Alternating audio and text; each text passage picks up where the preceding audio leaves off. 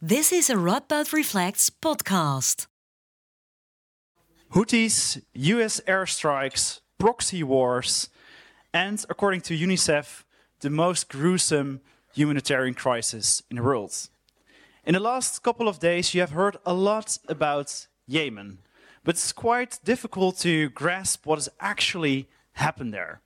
Welcome to this current affairs lecture of Radboud Reflects and Vox, uh, in which we hope to make some sense of this, this complex conflict and its new phase.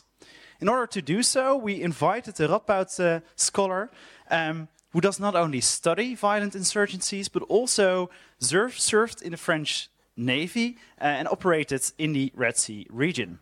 Victor Bouemar uh, Dinocheau is a conflict studies scholar uh, who investigates what happens when rebel groups take over a country or a region.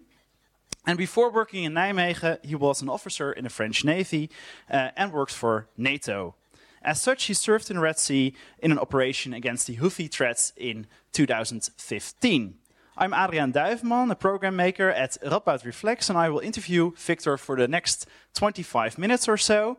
And after that, there's space and time for you to ask your questions. Um, to start off, uh, last Thursday night, a new phase in this long conflict started. Victor, can you describe what happened on that night? Yeah, so thank you for having me, uh, Adriaan. I'm very happy to uh, talk about the Houthis today, even if it's not a very uh, happy uh, topic. Um, yeah, so last Thursdays, the US uh, Navy and the British Navy uh, conducted airstrikes against uh, several targets of the Houthi rebel group in Yemen. Uh, and that is in response to uh, attacks from the Houthis uh, that, been, that, they have been conducting in Bab el-Mandeb Strait and in the Red Sea against the maritime traffic. Um, the situation has been building up for a while there. Um, Houthis have uh, targeted, I think, at least 30 ships in the last month. Uh, in October, they've also tried to target Israel directly, um, although those, they, they, don't have the, the, capability to do so, and the missiles were uh, destructed um, during their their uh, flight. Uh, but but so this this been building up, and was actually a bit surprising that Americans haven't uh, reacted a bit earlier uh, on the Houthis. Why do you think they waited for so long? Uh, th that's a good question. I'm, I'm, not entirely sure. Maybe there is a bit of um, reluctance to put some more oil on the fire. Mm-hmm. Uh, maybe they were taking some more time to really identify, identify um, the, the, targets. Uh, I'm sure that they did not want to um, to bring too much uh, collateral damage that would probably have been uh, creating more tension. Mm-hmm. Uh, but yeah, that, I'm not entirely sure about that indeed. What would they try to achieve with these bombings then? Um, well, that, that, that's a good question because obviously you're not going to um, prevent the Houthis from functioning by conducting airstrikes against them. Uh, just to give some um, a bit of background, so the, the Houthis um, emerged as a rebel group in 2004, so it's already 20 years that they've been fighting in Yemen. Um, it's a it's a rebel group that comes from the northwest of Yemen. They come from uh, the Zaidi community, which is a minority of Yemen, which used to rule Yemen for about a thousand years. So they ruled the country for until until 1964. So when the Yemeni Republic um, started, they lost their power. Uh, so it's a Shia uh, mm-hmm. community. Uh, also, they have some particular different dogma, uh, for instance, that the Iranians uh, do. Um, they lost their power in the 60s and, and, then they've been marginalized over time. Their population have built up grievances.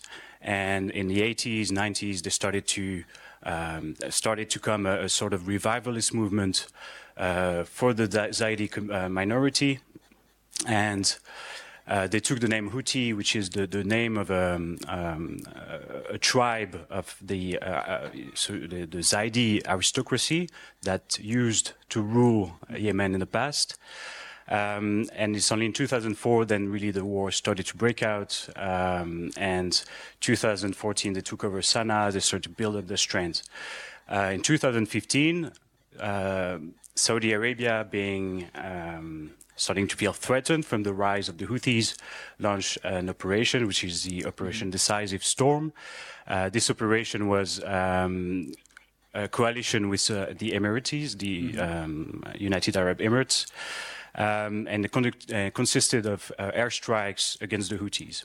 And that's pretty much what they've done. They've been targeting Houthis from the air, uh, and that didn't work at all. Uh, what it did is that the Houthis adapted, they became stronger, they got more weapons, and they got more external support from Iran. We will touch upon all these topics. Uh, I'm talking soon. too much, sorry. Yeah, yeah. uh, no, not not really, but um, more on the Houthis first. Um, so you mentioned they are Shi- they are a Shiite movement. Um, what do they believe? What is their mission? Um, yeah, so it, it's a. It, the people who are part of the Houthis are from the community that has a Shia faith. Um, I wouldn't say that it is a jihadist movement of a Shia trend. It's a movement that built up from that appeared uh, coming out of the grievances. So there, there, were real grievances coming from the Zaidi uh, community. Um, it has a mix of nationalist uh, ideas, a mix of uh, more regional ambitions, a little bit of religious aspects to that. Uh, I think it's also quite a pragmatic movement nowadays. Um, it's important to keep in mind that, and, and that's not only for Houthis, but for rebels in general. Uh, civil wars that last for a long time, uh, rebel groups that have been fighting for a long time, tend to militarize over time. Um, and then the ideological elements sometimes become a bit more instrumental. Uh, so the, what, what happens is that they, you, you have um, military commanders that take over uh, rebel movements and then they're interested in power more simply uh, in the end of the day. So are, not all strong believers. They are out for power. Uh, you mentioned their their commanders. How are, how is this organization organized? Uh, I'm, I'm, not uh, an expert of Houthi organization, to be uh, honest, but um, what I can tell you is the Houthis have been very good at organize, organizing themselves from a military standpoint. Um, that is, that they build up small, uh, flexible units, and that's how they organized. Uh, small, flexible units, sometimes of uh, four men, uh, five men who can easily take shelter in the mountains. And that's been really a strength of the Houthis to uh, have this kind of organization to resist to the Saudi and Emirati strikes for almost, uh, yeah, for about, yeah, about eight years. Uh, we started to uh, lower down now the Saudis. Uh, but yeah, that, that's the kind of organization from a military standpoint that they uh, adopted. So they consist of many small cells, but there is some central organization behind them. Yeah, absolutely. There's a central organization. Yeah. So you study the successful rebel movements around the world, or especially actually in Eritrea and Ethiopia. Um, why were the Houthis so so successful in taking over and holding on to that that one third of of Yemen? Yeah, uh, yeah, that, that's a, indeed important to to an important question to ask because so the, as I mentioned, the group started to um, appear as an armed group in 2004. So they started to fight the government in 2004. Uh, for a long time, they did not make any breakthrough, so the, the national government maintained uh, its power. Then came the Arab Spring uh, in 2011, and uh, that, with the Arab Spring, lots of unrest arrived also in Yemen. Mm-hmm. Uh, and which was new at the time was that um, now it was the not only different groups of Yemen who were fighting each other, but was the elite of Yemen that started to also to fragment. Um, and then what happened is that some uh, part of this elite actually sided with the Houthis uh, and helped them to uh, take over the capital, which they did in 2014. The capital is Sana'a. Yeah, Sana'a. So Sana'a. Yeah, indeed, it's in the in the west. Yeah, yeah. And we see on this this map from the BBC, which is actually from September, I must say. Um, but the situation hasn't changed that much, as far as I know. Um, we see other other colors as well. What are the other factions that are active in this region? Yeah, so th there's just a mix of uh, more or less loyalist uh, groups that are also active in Yemen. Uh, there's also Al Qaeda in the Arabic Peninsula, uh, which is still very strong in Yemen, but they're a bit outside of the area controlled by the by the Houthis. Um, yeah, so, so that, that's mostly what you can say. But the Houthis right now are really the most powerful group of Yemen. And and what makes them so so powerful? They so they are backed by elites, but they're also backed by other bigger regional players. Yeah, absolutely. I didn't finish my explanation actually. So uh, as I mentioned, so they, they got this support from a part of the elite. They took over the capital. Um, and, and, then Iran also uh, came in the, the, game because they saw an opportunity to undermine Saudi Arabia. So they say, okay, now there's the Houthis, they're doing a pretty good job at fighting the national government. Maybe we should uh, give them some more uh, support. So they started doing this a bit more. It started in 2009 approximately, and then it built up, built up over time. Um, and, and now uh, they, they offered uh, Iran offers support to the Houthis to build uh, drones, to build missiles, ballistic missiles, anti-surface missiles, um, naval mines, uh, these kind of things. So that definitely helped the Houthis to build up their power. That allows them to strike in the Red Sea. Most mm-hmm. importantly. So they send um, military material, um, but do they also control? Does Iran control the Houthis? Absolutely not. I, I, think it's important to keep in mind the Houthis are a group of their own. Uh, very often, um, you, you might hear that Iran is waging a proxy war in Yemen, uh, that the Houthis are proxy of Iran. Um, but it's, it's, it's not the case. Iran is using, there's kind of a bit of a, there's a convergence of interest between the Houthis and Iran, and their common interest is to undermine the global order, so to say. So the Houthis are interested in undermining Saudi Arabia, which is not friendly to them. Um, Iran is in interested in undermining American presence in the region, but also the Saudi influence in the region. So they, they have uh, common interests, and uh, that's why they cooperate. But the Houthis are very much uh, a group of their own. And the Saudis, you already mentioned them, um, that they are the enemies to both the Houthis and Iran. Um, what is their role in this whole conflict? The Saudis, you said, mm yeah. Uh, well, I wouldn't say the Saudi is an enemy of Iran; they're a rival. Um, and the tension between Iran and Saudi Arabia lowered quite a bit in the last years. Mm -hmm. um, yeah. So the the the role of the Saudi. So you mean the, what's your question? The, the role of Saudi in Yemen? Uh, yeah. So what's the Saudi government's uh, role in the conflict so far? Yeah. yeah. So, so, so, the Saudi government. Um, well, what's interesting to know is. Uh, the, the, the, operation Decisive Storm that was uh, organized by Saudi Arabia with the Emirates. 2015? 2015 in March. Um, in January 2015, Mohammed bin Salman, so the uh, crown prince of Saudi Arabia, became prime, uh, sorry, became minister of defense in Saudi Arabia. Mm-hmm. So the, the, military intervention in, in, Yemen is something that he pushed for. He, was very hawkish in in that sense. Mm-hmm. Um, turned out that the Houthis resisted. With the help of the Iranians, they were able to strike, to strike Saudi Arabia at sea, so targeting ships already. Uh, they've been doing that for a long time. They've been uh, targeting oil fields in Saudi Arabia, military bases. Uh, last year, they targeted uh, Abu Dhabi as well with using drones. Um, and at the same time, the Saudis couldn't really undermine the group, and they start to be in a sort of quagmire uh, in Yemen. Mm-hmm. Um, so in the last years, they tried to back down to, to de-escalate in Yemen, uh, and right now they are having a more peaceful position, position mm-hmm. so to say, and saying, okay, now we, we don't want to get involved there anymore. So they're trying really to try to ease things down. That's their goal for now. Um, we'll talk about the, the, the, future and your expectations of conflict later on. Um, why did the Houthis then? So they are against America, like uh, Iran. Um, why did the Houthis provoke America now?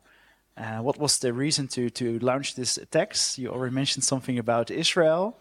Yeah. Um, well, um, yeah, the, the Houthis they, they, they are anti-American. They are, mm. are anti-Zionist. They are anti-Semitic as well, and they're pretty vocal about it. Mm -hmm. um, but it I think it would be a mistake to think that they have global goals, right? They, they are a regional movement. They're interested in Yemen 1st mm-hmm. um, maybe we can say something a bit more about the, the region. Uh, I don't know yeah. if you have the, the map. Yeah, this there one. So we see Yemen is um, by uh, so the northwest, the southwest point of the Arabic Peninsula. Mm-hmm. Um, and it's uh, by Bab el Mandeb Strait, which is the closest point between Djibouti and Yemen. Mm-hmm. Um, then there is the Red Sea, and then there is the Suez Canal. Um, so th- this is this is a, a maritime highway uh, that connects Southeast Asia to Europe. So the maritime traffic is absolutely huge there. Uh, the wealth that's transiting in that region is absolutely huge. So f- just to give you an example, uh, transport uh, a maritime a cargo transporting um, uh, containers, just one of these ships is worth billions of euros. And all these countries there, there are not many that are rich and stable. So they also all see that wealth transiting there. Uh, that offers that, that that is for a, a rebel group uh, that is trying to gain legitimacy. This is a great opportunity to to use, um, and and they're using that uh, exactly. So it's not new. Uh, what what they're doing uh, in targeting ships in that region is not new. They started in 2015. When I was there, I was I, was redeployed in Bab el Mandeb because we thought the Houthis had um, moored maritime mines, so what we call um, well, artisan mines, so waterborne IED. Um, and uh, so, yeah, they, they, they, it's not new. And, and now with the uh, war between Israel and Hamas, that offers them with the perfect opportunity to portray themselves as the defender of uh, the Palestinian people. But and and it's quite easy to to fire at some ships uh, in Bab el Mandeb and, and just do that. But I think that goal here is really to show, hey, we are we exist. We are a strong rebel group that has um, we're, we're a strong group um, that can claim power in Yemen. We have ballistic missile, we have anti-surface uh, missiles. We can do it. We, so you have to count on us. Uh, you have to talk to us.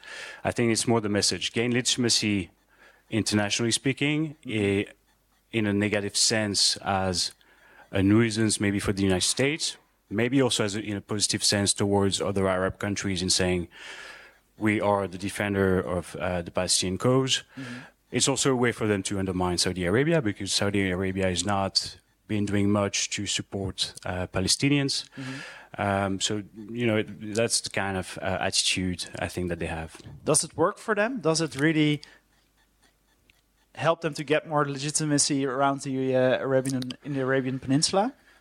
Well, I mean, I, I think it's a bit soon to say what are the consequences of what they've been doing in the last month, but what they've been doing in the last years has definitely worked. Um, and, and positioning themselves as this kind of um, um, uh, aggressive rebel group, fearless, definitely convinced the Iranians to say, okay, we need to inve- invest in the Houthis. And it's the Iranians, also Hezbollah. Hezbollah- They have, they have a very strong relationship with Hezbollah.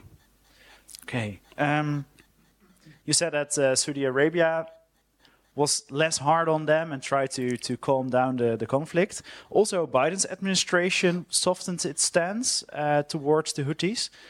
Why did they do so? Why did it change its? Uh, why did it also st- soften its its approach to them? Um, well, so the, the previous administration, so Donald Trump uh, put the Houthis on the uh, terrorist uh, on the list of terrorist groups, um, and the reason for that was uh, mostly that Saudis pressured for that. Biden took them out of the list. The problem is with when you put a group on a terrorist list, uh, ter- terrorist organization list, that you cannot really talk to them anymore, and that means that that meant that it made it very difficult to uh, send out humanitarian aid uh, in the region.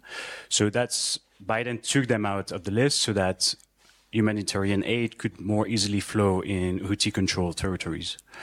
Because of course, I mean, you mentioned in the introduction, the consequence of the war is absolutely devastating. So you had about at least 200,000 to 400,000 people who died, and millions of people who fled uh, in, in yeah across the region.